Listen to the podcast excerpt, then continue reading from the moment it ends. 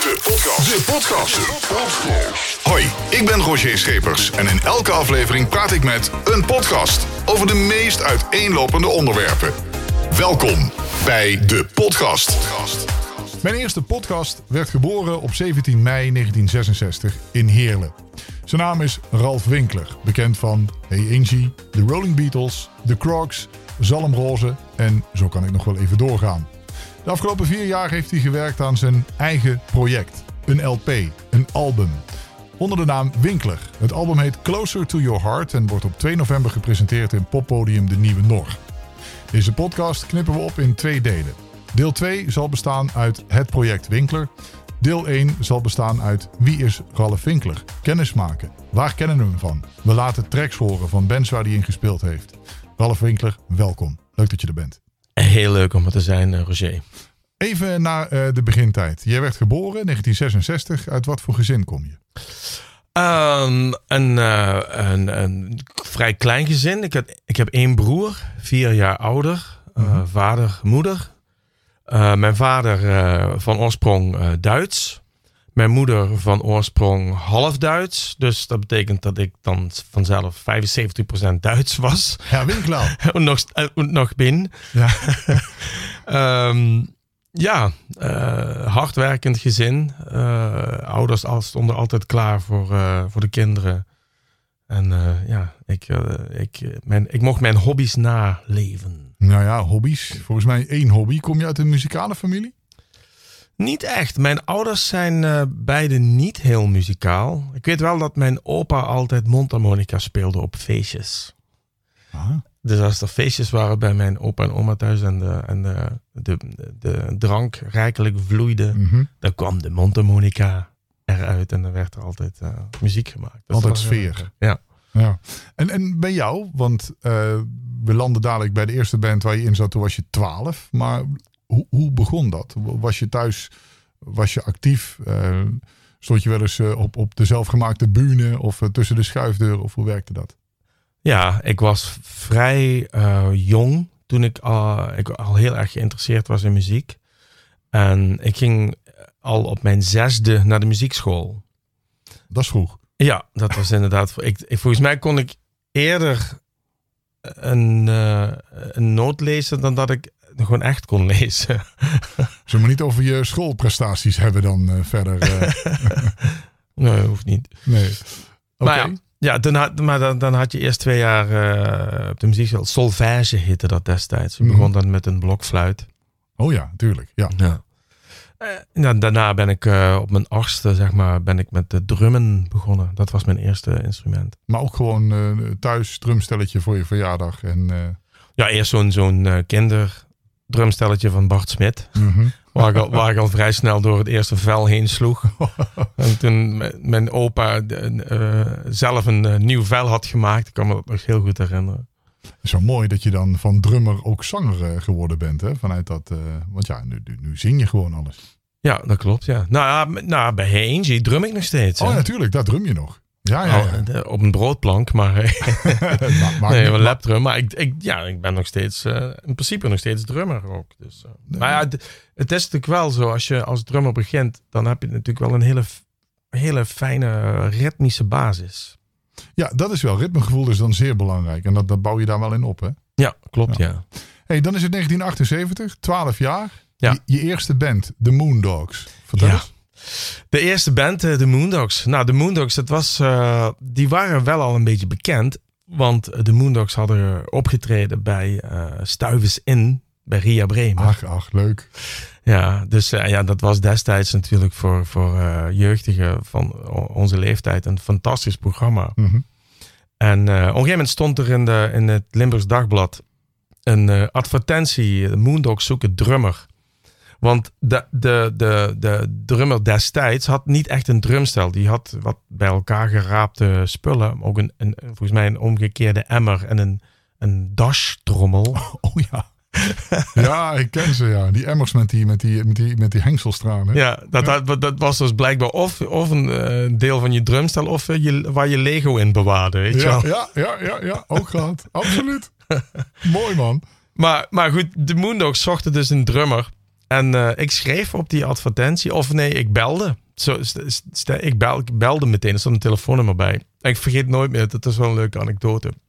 Want het, het eh, telefoonnummer was van Emiel Holman. Emiel Holman speelde dus in de Moondogs samen met Paulo Gister. Mhm. En zij woonden alle twee op de Welterlaan tegenover elkaar. En eh, in die tijd, ik weet niet, dan had je zo'n zo'n kinderserie Emiel. Ja. Zo'n, die jongen die allemaal van die houten, die moest altijd voor straf, moest hij altijd naar zo'n hokje. en ma- maakte die zelf van die figuurtjes zo. Maar die vader die schreeuwde altijd op, Emiel! Het was echt een heel bekende eh, kinderserie. Beke- ja. En ik vergeet nooit meer dat ik toen belde eh, naar het telefoonnummer van Emiel Holman. En dat zijn zusje opnam. En dan precies hetzelfde zo. Emiel! Feestherkenning voor jou. ja. Ja. Nou, en toen hebben we een afspraak gemaakt. En eh, ik had eh, ja, toch vrij recent. eh, ik had echt een drumstel. Ik woonde met mijn ouders en mijn broer in een flatje. En mijn drumstel stond in mijn slaapkamer. Dus mijn buren waren heel blij met ons. Ai. Vrijstaande woning of dat niet? Nee, een flat. Nee. Gewoon Oh, een flat. flat ook. Ja, tuurlijk. En toen ja, een afspraak gemaakt met de Moondogs. En zij kwamen met hun drieën kwamen zij kijken eh, om mij te ontmoeten. En toen ze mijn drumstel zagen, was ik meteen aangenomen. Het, het ging niet eens om jou, het ging om het drumstel. ja, ja, ja, nee, ik was echt meteen, ze hadden meteen zoiets van, ja, jij zit in de band. Oh, heerlijk. Twaalf jaar. Ja, Mijn, ja mijn eerste band. Met, eh, met Paulo Gester, Bas der Haag en Emiel Holman. Ja, Paulo gisteren je maatje forever, want daar doe je nog heel veel mee samen. hè? Ja, ongelooflijk. Zo- Zo jong begonnen. Paul was toen 14, ik 12. En, eh, nog En dan steeds. optredens? Nou ja, ons alle, volgens mij, tenminste zo in, in mijn eh, herinnering, eh, eh, ons eerste optreden, eh, alle een hele grote plek. Eh, namelijk op het hoofdpodium van eh, het, eh, de Schouwburg in Heerlen. Wauw. Op die Tijdens- leeftijd. Ja, tijdens de, wij mochten optreden bij de jeugd, tijdens de jeugdrevue van de Winkbullen. Oh, oké. Ja, mochten we drie liedjes doen of zo. Ik vergeet het nooit meer. Dat waren carnavalsliedjes dan toch? Nee, nee, Nee, nee, nee. Ah. Dat was echt wel rock and roll. Oké. En we hadden zelfs, een, we hadden zelfs ook eigen liedjes die, die Paul dan had geschreven. Op 14 jaar ook. Eh, Rain Falls Dead on My Head. Oh, dit is geweldig zeg. Ja. Zo vroeg al in de Schouwburg. En toen? Nou ja, en toen eh, eh, hebben we wel op wat, wat plekken gespeeld. Het Bekkerveld Festival en een feesttent hier en een, een, eh, een feesttent daar. Hm. Eh, ja, was heel leuk. Hele leuke tijd. Natuurlijk de eerste echte kennismaking met, met, met het- spelen in een bandje. Nou Ja, ik vond het fantastisch. Ja, eigenlijk toch al heel serieus voor die tijd. Dan. Ja, mm, ik denk het. Maar ja, dat voelde ook niet heel erg. Dat voelde niet zo. Weet je, Hmm. Het was meer, het was wel echt. eh, nou, we waren wel heel serieus op zich. Ik, ik weet dat we gewoon ooit een versterker hadden gekocht bij Rick Huids. Een Marshall versterker waar, eh, met, met meerdere ingangen. Ik denk vier ingangen of zo. En dat, Mhm. Daar ging alles over. De bas, de gitaar, de zang. alles ging over die Marshall versterker. Alles. Maar dat was voor ons wel een echt. Dat, dat, zo, we hebben een Marshall versterker. Dat was wel echt eh, heel serieus, ja. Ja. En maar als je met z'n drieën zo jong bent, 12, 14 en, en, en Emiel, hoe oud was die? Ik denk ook 14. Ook. En, maar, wie helpt je dan met zo? Zijn dat dan ouders die zeggen van, hé, hey, ik eh, ga je daarin helpen? Of gingen jullie dat zelfstandig als, eh, als jonge knullen gewoon even regelen en kopen dan? Nou ja, nee, die, die hielpen natuurlijk wel. Die moesten vooral altijd helpen met, eh, met ons overal naartoe brengen. Want we hadden natuurlijk geen rijbewijs. Nee, precies.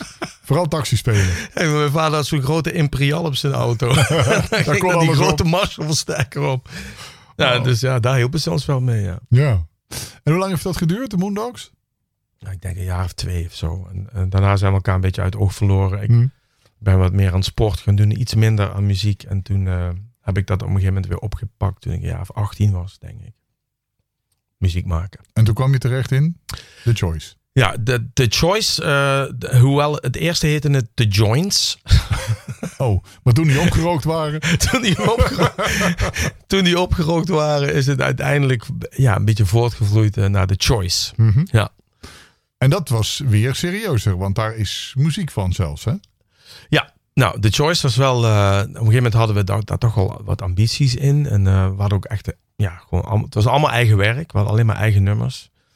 En eh, op een gegeven moment kwamen wij terecht in een, in een wedstrijd. Zoiets als de Grote Prijs van Nederland, maar dan in België. Mhm. we, hadden, de- we hadden ook een manager die ons, ja, Fantastisch. die ons daarin had, in had geloodst. En ik, weet, nou, ik weet wel dat we daar redelijk hoge ogen eh, gooiden. En dat we het zelfs tot de finale hebben geschopt. Zo. Ja, ja. Hey. En niet zomaar iets, hè? Geen kattenpis. Nee, dat bedoel ik. Zullen Dus, we even, eh, iets- even, iets- even iets draaien van The Choice? Ja, Even, even kunnen luisteren waar we het over hebben? Ja, nou, dit nummer heet. eh, we hebben toen, eh, ik denk, een 13 nal- nummers opgenomen. Die zouden op een CD terechtkomen. Het is er allemaal helaas niet van gekomen. Het is nooit gereleased. Maar eh, de liedjes eh, zijn er nog. Ik ga Dark Tears on Wedding Day opzetten. Top, man.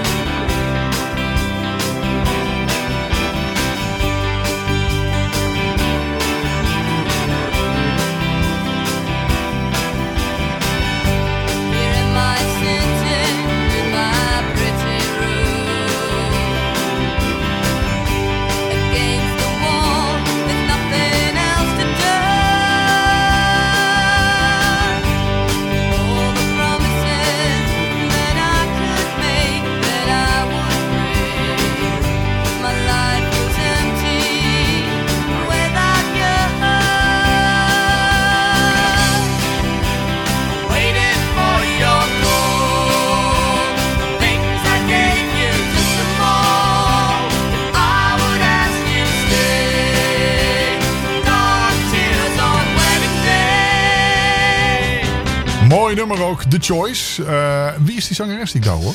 Dat is Diane Verluiten. Eh, dit nummer is ook eh, is geschreven door Joey Seistermans, waar ik destijds veel mee samen speelde. En we schreven ook heel veel dingen samen. Mhm. Ehm, eh, even kijken. Bart Hoebe op drums. En Andy Boene, dat was zijn bijnaam. Die op bas. en ehm, ja, het was wel een hele leuke band. En ik vind het nog steeds wel jammer dat deze nummers nooit eh, het, eh, echt, echt het licht hebben gezien. Ja, inderdaad jammer, want het klinkt, eh, het klinkt goed. Het klinkt volwassen. Ik had het wel ergens op een podium willen zien staan. Ja, Ja. Nou, wie weet. ja. wie weet. De, reu- de reunie of The Choice. Weet. Zoiets. En, en hoe, hoe lang heeft die band bestaan?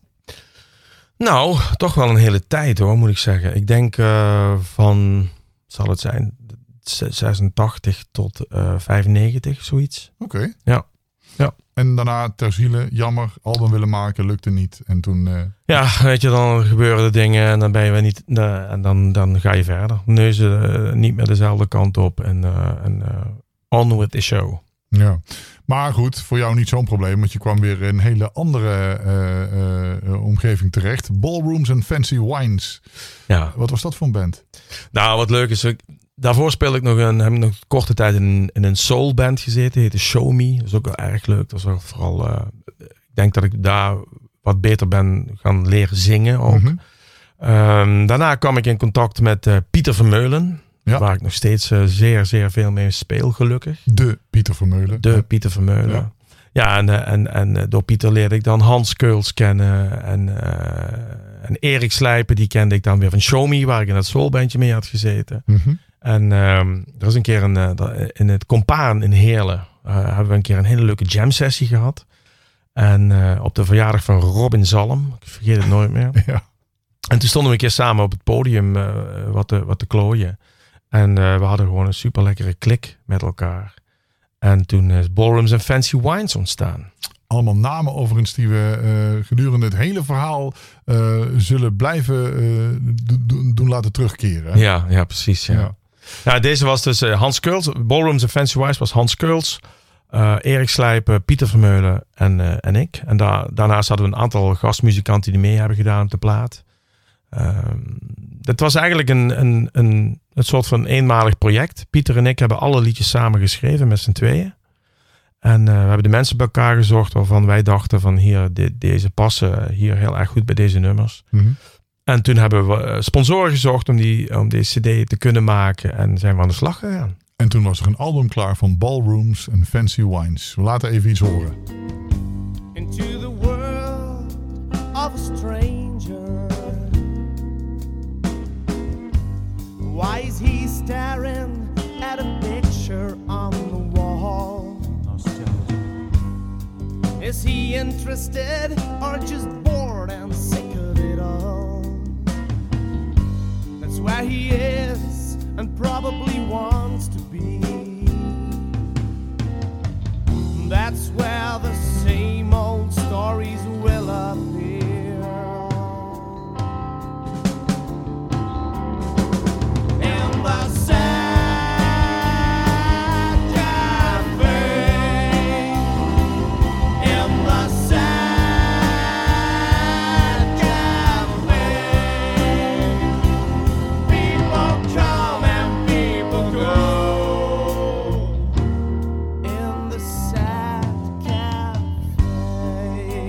Ballrooms and Fancy Wine. Zijn album eh, uit. Dit is weer totaal anders dan bijvoorbeeld The Choice dit. Ik vind het wel mooi, die eh, diversiteit. Ja, nou ja, weet je. eh, dat is ook als je naar mijn platenverzameling kijkt bijvoorbeeld. Dat gaat ook echt alle kanten op. En eh, ja, ik heb mezelf eigenlijk nooit in een hoekje willen duwen. Of in een kastje willen duwen qua stijlen of zo. Ik denk, ja, als je iets mooi vindt, dan, moet, je, dan moet je daarvoor gaan. Weet je wel. En, of, Ja, je beperkt jezelf alleen maar, denk ik, als Ja. je naar één ding... Ja. dus eh, zonder meer waar. En dan is dat album eh, met die sponsoren. Dat, is, eh, dat, dat album heeft ook nog wel hier en daar iets, iets gedaan, volgens mij, optredens. Ja, we hebben er wel her en eh, mee opgetreden. Het het album heet ook De Compaan Presents Ballrooms and Fancy Wines. De Compaan, dat, ja, dat was wel echt ons, ons thuiskroeg destijds. We hebben daar Wel toen ook een cd-presentatie gehouden. Dat was een legendarische avond, kan ik je wel vertellen. Ja, kan ik me voorstellen. Veel drank. Uiteraard veel drank. Heel veel drank. Ja, ja, ja. Maar je, dit was wel echt een heel leuk project. Met, eh, je hoorde ook eh, als, op de backing vocal Theo Verstappen bijvoorbeeld uit Mhm. Maastricht. En eh, Harry Schuler heeft meegedaan. En, en, en Mark Huinen heeft meegedaan. Oh, de Ja. Mark Huinen, de... De Mark Huinen, ja. Ja. Die heeft een trompetsolo op het, op, het, op het nummer The Man in the Green Shirt. Ja. En Mark eh, maakt ook nog steeds platen. Het is zo mooi dat er, eh, dat er in Limburg toch wel zoveel goede muziek gemaakt wordt. En Ja. dat dat eigenlijk toch eh, veel al gevestigde namen zijn die je nog steeds hoort. Hè? ja, en zeker in Parkstad. Ja, op, precies. Mhm. Ja, top. Helemaal goed. Hey, en dan, want dan is dat album klaar en dan, dan, dan houdt dat op een gegeven moment dan ook weer op. Nou ja, we hadden eh, simultaan, zeg maar, waren we ook weer bezig met een nieuw project. eh, Pieter en ik. Eh, en ook met Erik Slijpen. alleen met een andere drummer. Dat was in het eerste geval dan Robin Zalm. Eh, en, en toen hebben wij Zalm Roze opgericht, zeg maar. Dat was een beetje het project van Robin ook. Robin Zalm, Zalm Roze. En eh, in eerste instantie ehm, gewoon ook een bandje om lekker te spelen in kroegen waar we veel covers speelden. En dan ook niet, niet de, de, de, de geëikte liedjes, maar wel een beetje echt dingen die wij zelf echt heel vet vonden. Zoals de Scabs bijvoorbeeld. Ja, Belgische Scaps. Hè? Ja, precies, weet je. En, en John Cougar Mellencamp en eh, en ook wel Stones en John Hyatt. En eh, ik weet niet wat we allemaal deden, maar het was een hele lekkere band. En dat zalm roze, zalm snap ik dan. Waar komt het roze dan vandaan? Ja, dat, eh, we wilden natuurlijk iets met zalm in de naam. Ja, en Ja, dan, de kleur, ja. Ach, tuurlijk, ja. dus vandaar zalmroze. Wordt nou, zelfs, betaald. we- we- toen we begonnen zijn, hebben we in eerste instantie zelfs, ik denk dat we twee keer aan hebben gehad hoor. Eh, door eh, iemand die, eh, een, eh, een naaister, hebben wij eh, zalmroze pakken laten maken. Oh, fantastisch. Ja, wat goed. ja. Wat goed. Giletjes met zalmroze broeken. Ook dom dat ik er even niet bij stilsta dat zalm gewoon roze is. Natuurlijk, logisch. Ja. hey, maar dat zalm roze, dat heeft, namelijk, eh, dat heeft landelijk zelfs nog wel bekendheid gehad, hè? Ja, nou ja, op een gegeven moment ehm, deden wij ook met zalmroze mee aan een wedstrijd. Dat heette de Heineken Student Music Awards. Mhm. En eh, ehm, daar hebben we de eerste voorronde gedaan, daar hebben we gewonnen. Eh, toen hebben we een halve finale gedaan in de Bombardière Maastricht. Die wonnen wij ook. En uiteindelijk kwamen we dus in de finale terecht. En, en dat was in Paradiso. In de hoofd en de grote zaal van Paradiso, Amsterdam. Oh, kijk. Ja, dat was heel vet. En ehm, wat, wa- een beetje, wat wel een beetje jammer was, was dat ehm, Robin Zalm, waar de naam dus vandaan kwam, natuurlijk destijds bij Volumia drumde. Ja, tuurlijk. En eh, ja, eigenlijk een beetje twee weken voordat we in Paradiso gingen spelen, eh, kwam er een brief van de platenmaatschappij dat eh, Robin niet meer bij ons mee mocht doen in verband met belangenverstrengelingen. Ehm, zij speelde bijvoorbeeld ook op de, de hoe heet dat, de Amstel Live en zo. Eh, Oh ja, Vrienden van Amstel. ja, en wij zaten dan in de Heineken Music Student Award. dus dat, Oh, ja, dat, ja. dat, dat mocht allemaal, eh, ja, dat ging elkaar dan bijten. En over En welke periode praten we? Waar zitten we? dit, 7, is, 98? dit is 1998. Ja, geweest. toen was Volumia heel groot op dat moment ook. Hè? Klopt. Ja, Volumia was toen net, die waren mega doorgebroken met afscheid en al die grote hits en zo. Maar ja, goed, het, het was natuurlijk voor ons wel een, eh, een eh, het was natuurlijk heel Ja, zuur. balen, tuurlijk. En, en met name voor Robin. Je moet je voorstellen dat je je eigen, eh, je eigen band, weet je wel, met je eigen hem. naam ook Ja. nog. Dat je dan mag Paradiso schopt. En, en in Paradiso staat dan een band te spelen met jouw naam, maar je bent er zelf niet bij. Ja, en hij was er wel bij, maar, als, Ja, maar hij in, in het publiek. Hij mocht dus niet spelen. Ja. En dat is, er was ook nog een landelijke zender, Kink FM, destijds aan verbonden. Ehm, dus dat heeft toch wel wat bekendheid gehad. Eh, ja, dat, dat, heeft het best, eh, dat heeft het best goed gedaan. Nou, wat leuk was, dat wij dus die, die finale eh, wonnen. De Heineken Student Music Awards. En daar was een prijs aan verbonden, een platencontract. En een tour door, door heel Nederland. Alle studentensteden, zeg maar. Dus we hebben dat met Salmroze gedaan. We zijn van, van eh Sittard naar Utrecht, Groningen, Leeuwarden, Haarlem. Nou, we hebben eigenlijk heel Nederland doorgecrossed met ons bandje. We, hadden ook, we speelden ook best wel veel Nederlandstalige covers eh, en eigen werk er tussendoor. Mhm. En toen werden we eh, opgepikt door Paradiso Amsterdam Records om een, eh, voor, een, voor een platendeal van een single. Ja.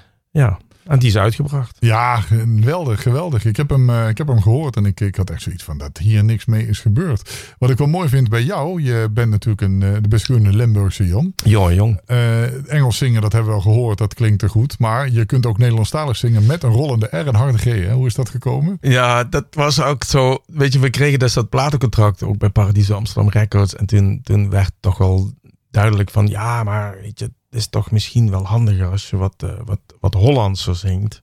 Ik had toen destijds wel een, een eh, vriendin, eh Noeska, die kwam uit, ehm, uit Den Haag.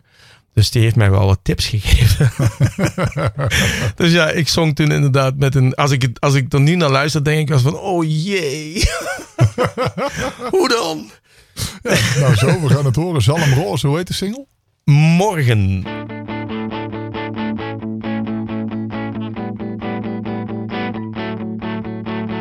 Dit is dan die dag waarop het anders mag. En dit is het moment waar ik op heb gewacht. Ik hoor de vogels fluiten en ik wacht tot ik begin. Ik voel de kriebels kruipen en ik heb toch zoveel zin.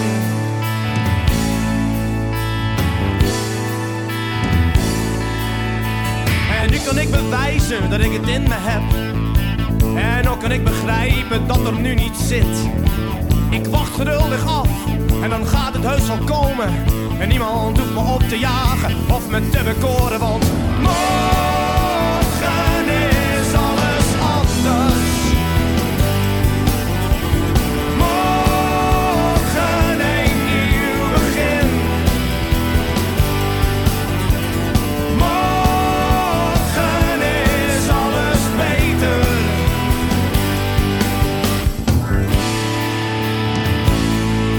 Zalm Roze, morgen. Ja, dit is wel, eh, ik vind wel kwaliteit, eh, Ralf. Ja, dat is wel, was wel heel vet hoor. En eh, de, het opnameproces was ook wel heel erg gaaf. Want de basis eh, is toen live opgenomen in Paradiso.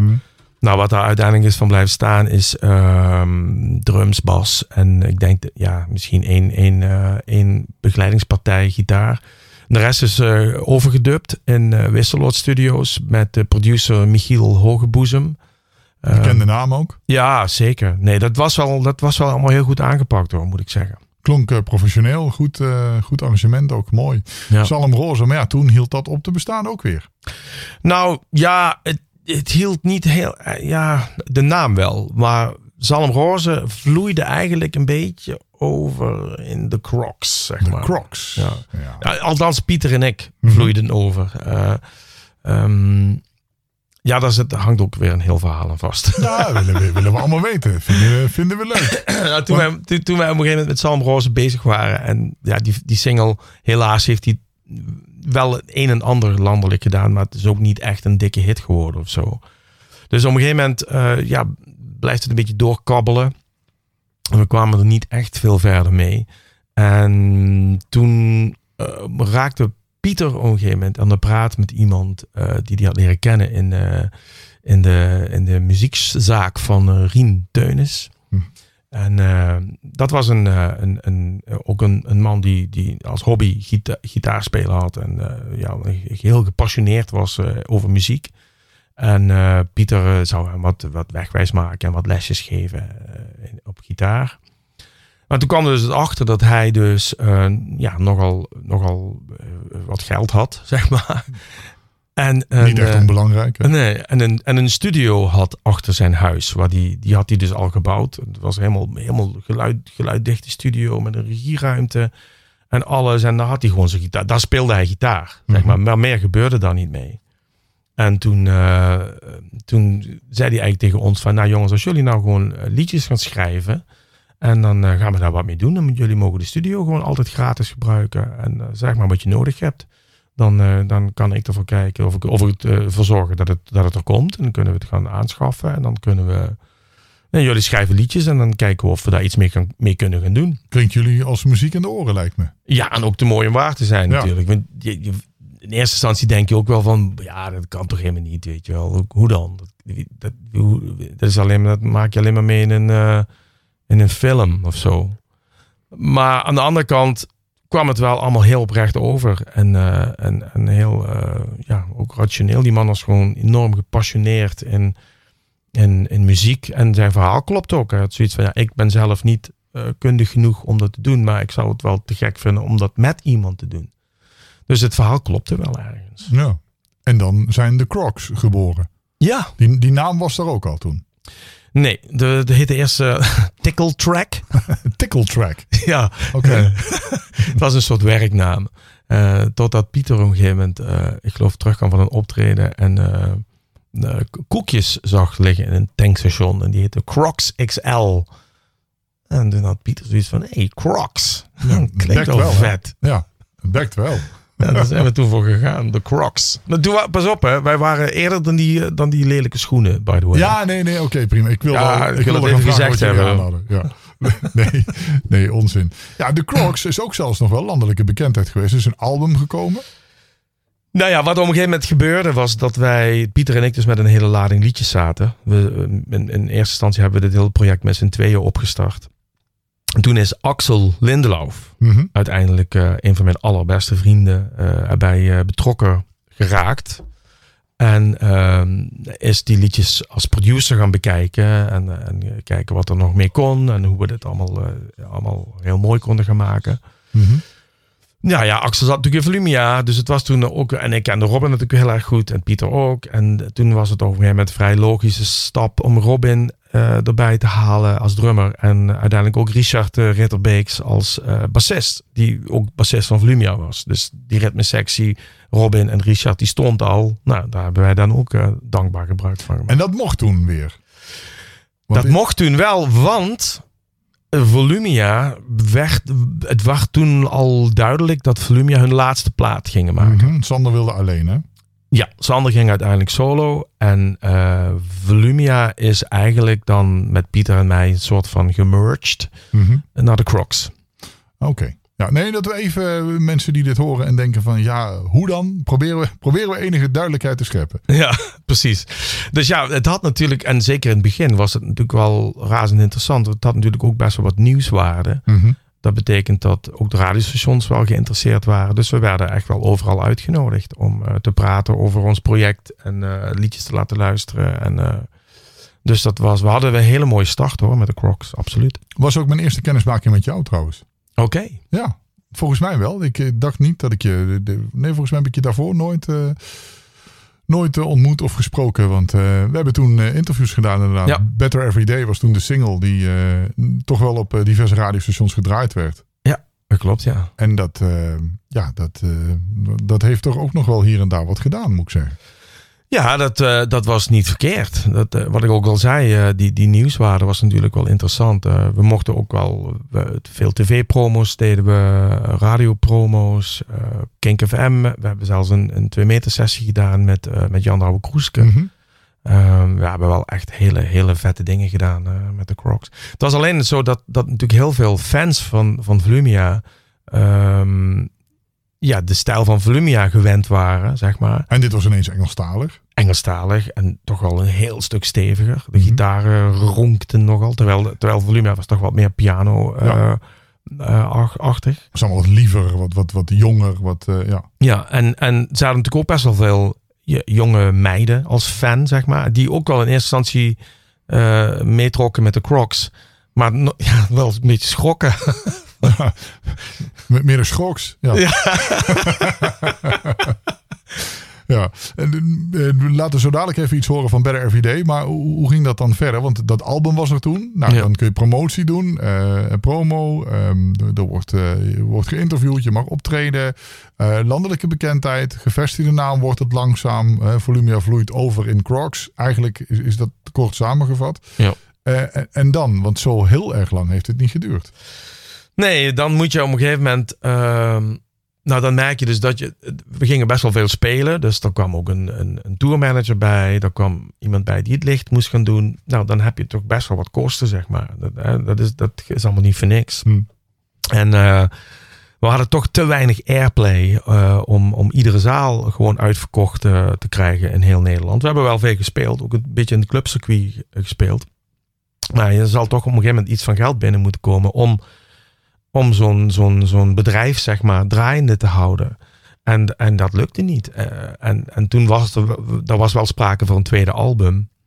Maar eh, ja, uiteindelijk eh, trok het niet aan en is er toch besloten om er een, om te, mee te stoppen. En die meneer die financieel garant stond voor jullie, die Ja. wilde natuurlijk op een gegeven moment ook centjes zien, denk ik dan. Ja, dat is wel even, dat is wel even een heel ander verhaal. Dat moet ik, dat moet ik oppassen dat ik niet te veel uitweid. Maar Nee, maar, maar wat ik wil zeggen is, die, die, die meneer was heel enthousiast. En die had zoiets van, nou, Ja. ik studio, jullie k- kom maar. Ik, Ja. eh, hè, ik ben idolaat van jullie, hier mogen jullie dingen doen. Ik Ja. kan zelf niks, dus regel het maar.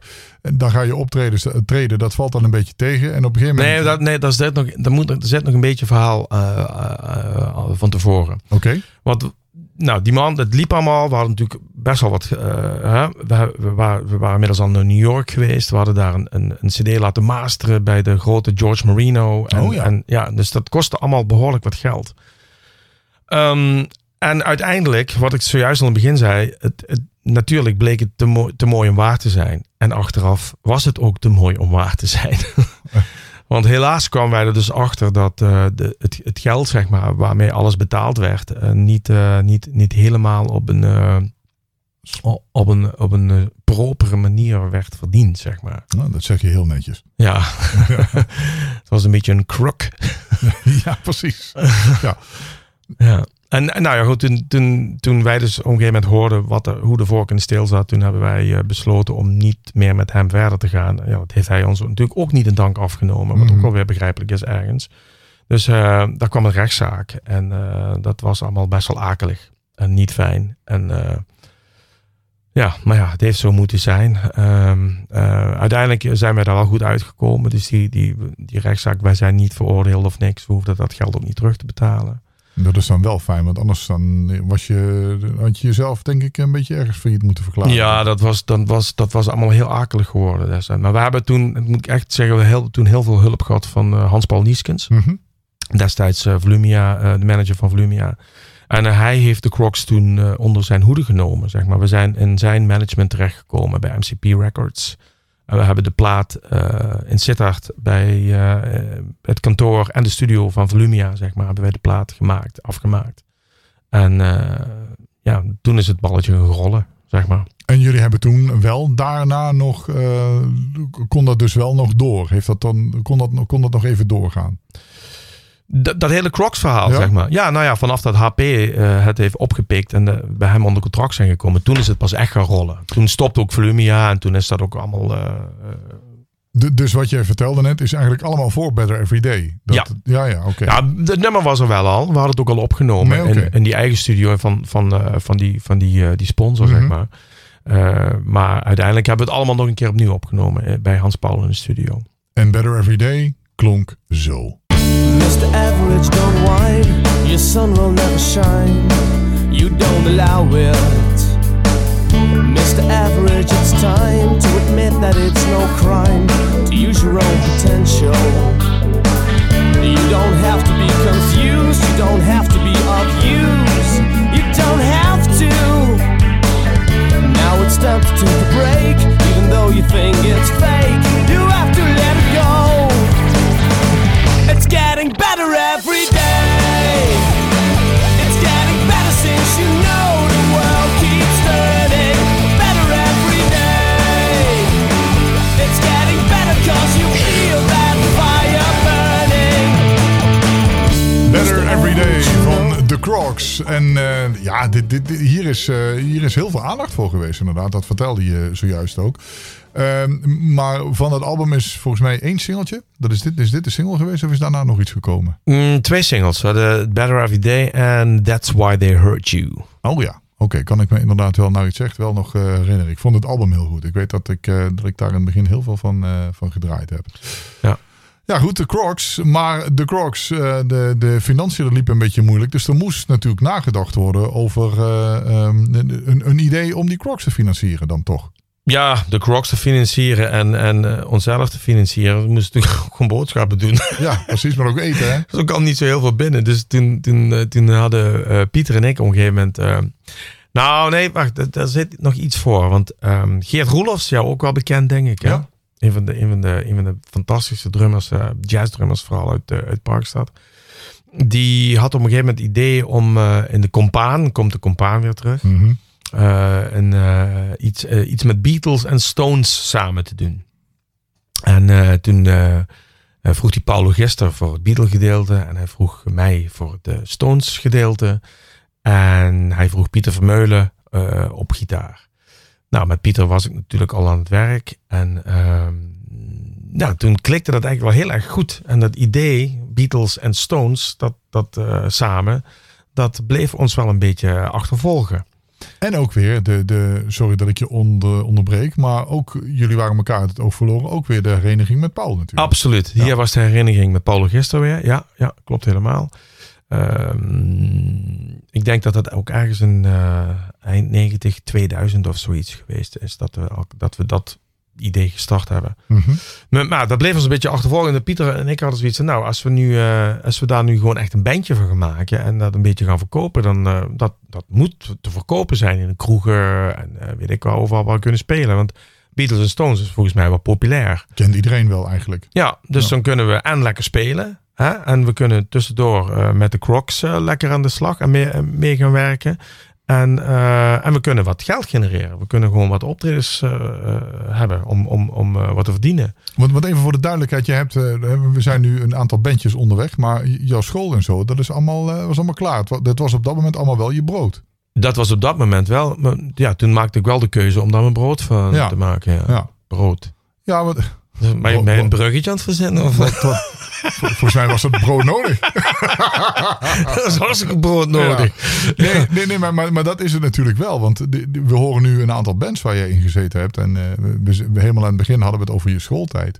Um, ja, de, de, uiteindelijk moet er brood op de plank. Uh, en uh, diverse bands, dat loopt, dat loopt een beetje. Dat is moeilijk. Dat, hè? Ja. Dus dat allemaal samengevat moet er natuurlijk, moet die schoorsteen roken. Dus het is nogal een risico wat je neemt als je zegt, ja, ik, uh, ik ga hier mijn brood van maken.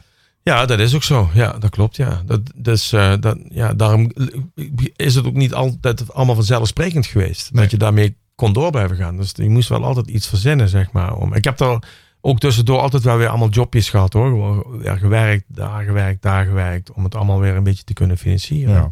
Het is geen makkelijke weg geweest of zo, zeg maar. Nee, nee, daar, maar daarom juist. Daarom wil ik het even aanhalen. Ja, brood nodig doen we dan zo even, want anders wordt het heel uh, verwarrend. Ja, ja. Even terug naar de Rolling Beatles. Ja. Nou ja, Rolling Beatles, uh, Pieter en ik hadden dus het idee om dat op te starten. Toen hebben we Hans Keuls gevraagd en uh, Paul Gister. En Axel ging ook meedoen op piano.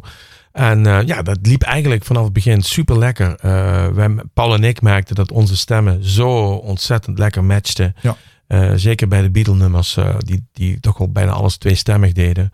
Ja, dat klonk eigenlijk vanaf het uur u gewoon als een klok. En ja, dat, daar hebben we, kregen heel veel werk mee. En daar hebben we het heel druk mee gehad. En nog steeds, want we, de, we bestaan nog steeds. Ik zei net de 2000, dus ik denk dat we bij, dat we bijna 24, 25 jaar bestaan inmiddels.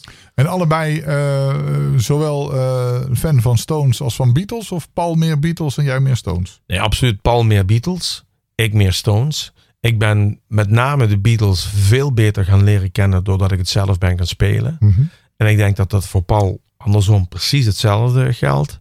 Uh, ik denk ook dat wij, dat altijd een beetje de krachtpunt van de Rolling Beatles is, is dat wij de Beatle-nummers die toch wat vaak wat liefdiger zijn, lief, lieviger zijn, mm. met, met dezelfde rock and roll feel spelen als de, als de Stones liedjes. Daarom krijgt het, komt het wat dichter bij elkaar en krijgt het net een, een echte rauwe energie. En ja, dat werkt nog steeds. Fantastisch. En van elkaar natuurlijk heel veel geleerd. Hè? Van jou, jij van hem. Zeker, zeker weten. Ja, Ja. Mooi is dat. Ja, Rolling Beatles hebben natuurlijk ook eh, eh, platen uitgebracht. Ehm, ik heb Ja. hier een, een, een album eh, liggen. Waar een eh, liedje van de Stones op staat als eerste. Wat later ook gedaan is door de Nederlandse New Adventures. Ze bestaan volgens mij niet eens meer. Ehm, eh, misschien even een stukje luisteren naar de Rolling Beatles dan. Ja.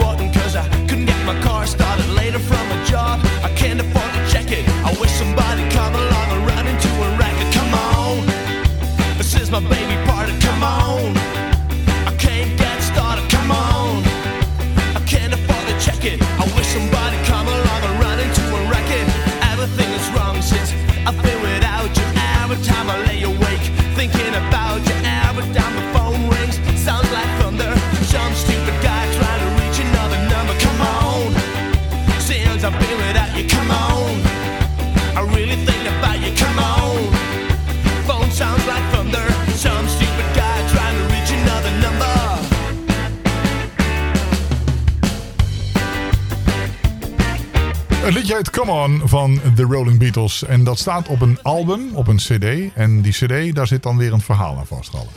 Ja, dit is het Abbey Road Project. En eh, het, het leuke van dit verhaal is dat wij eh, in samenwerking eh, toen met Cultura Nova, Ben van Melik, gedichtenschrijver, eh, ehm, eh, Michael Kolenbrander, cineast, en zijn vriendin Rimke Nolte, fotografe, een verhaal hebben bedacht waarin wij een hele leuke theatervoorstelling zouden kunnen gaan eh, maken en eh, laten zien.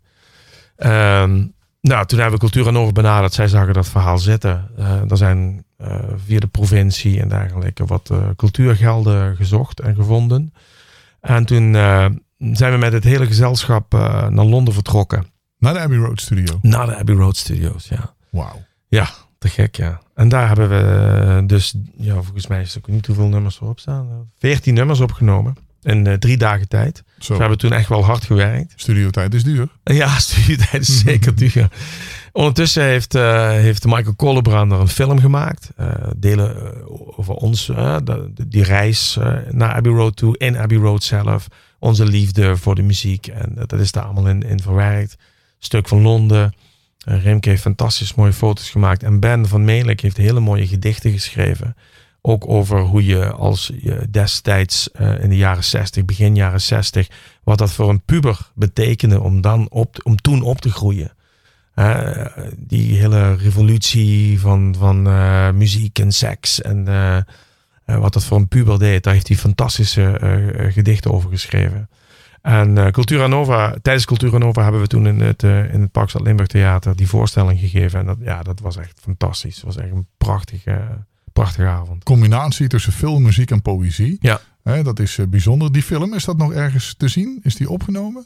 Ja, nou die film is, die is natuurlijk opgenomen, maar die is alleen maar getoond zeg maar, tijdens het, het concert ook. Hè. Dus het was allemaal in elkaar vastgesmolten, zeg maar. Ah, het zou mooi zijn als mensen dat nog eens ergens konden terugzien. Ja, zo. er is wel een registratie van gemaakt, eh, maar eh, ja, gewoon echt met een vaste camera, zeg maar. Dus daar, eh, ik heb dat vast nog ergens.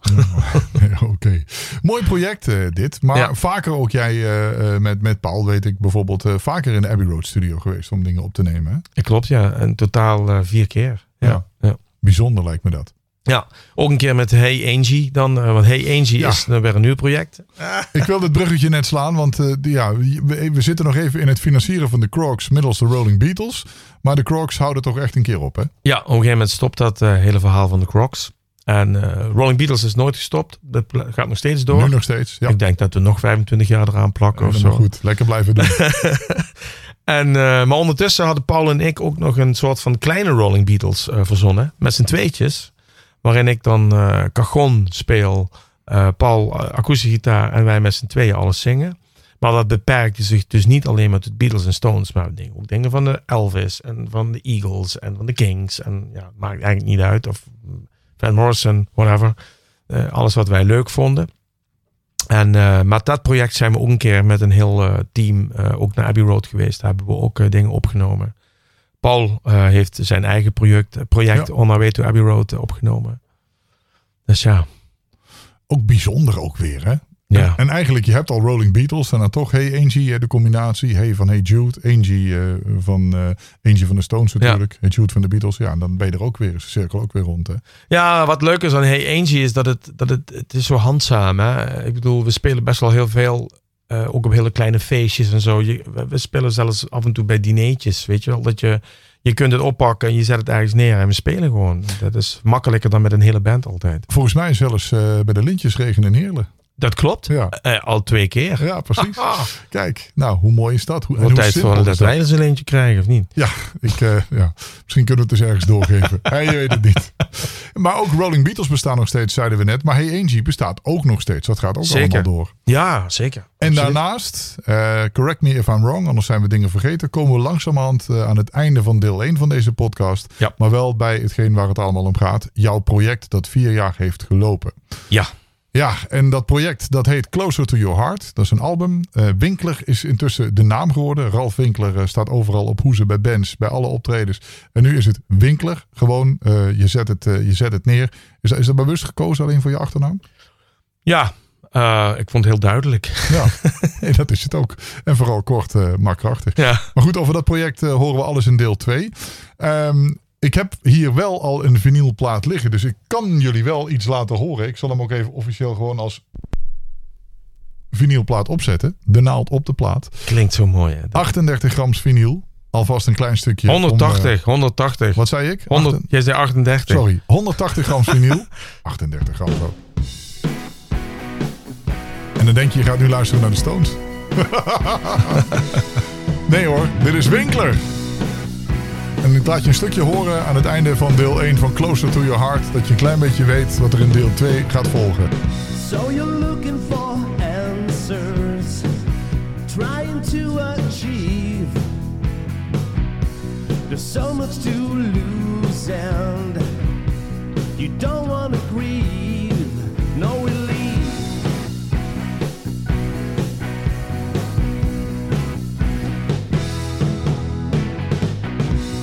What if you're failing before the eyes of the world? What if it's easy to fake it instead of diving for pearls, diamonds and pearls?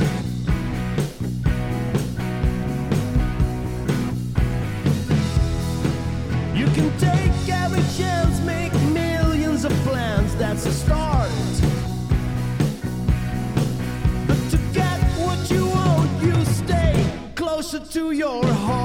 En zo heet hij dus Closer to Your Heart, het project Winkler. Een album, een LP op vinyl, gepresenteerd op 2 november aanstaande in poppodium De Nieuwe Nor in Heerlen. We hebben vast even een eh, begin gehoord, we gaan daar eh, straks mee door. Ja, wat een, eh, een hoe moet ik zeggen, rijke staat van dienst heb jij. Als we even in jouw historie dui- duiken. Hè? 1966 geboren, eh, zoveel gedaan en dan nu je project. Want dit liedje Closer to Your Heart is inmiddels ook alweer eh, drie jaar oud, vier jaar oud. Eh, dat was het eerste liedje wat ik schreef in dit Ja. hele project. Dus Ja, ja, precies. vier jaar. Dus dat, Ja. loopt, dat loopt ook al even. Ja. Ehm, je hebt ons eh, bijgepraat hè, nu over wat, eh, ja, wat je eigenlijk allemaal gedaan hebt tot dusver. Ehm, had je dingen anders willen doen? Heb je spijt van hoe dingen gelopen zijn? Nou, nee, spijt helemaal nooit. Helemaal niks. Ik weet wel dat we, dat we, dat we er wel een paar keer echt tegenaan hebben gehikt, zeg maar. Om, eh, als je het dan over een doorbraak of zo moet hebben.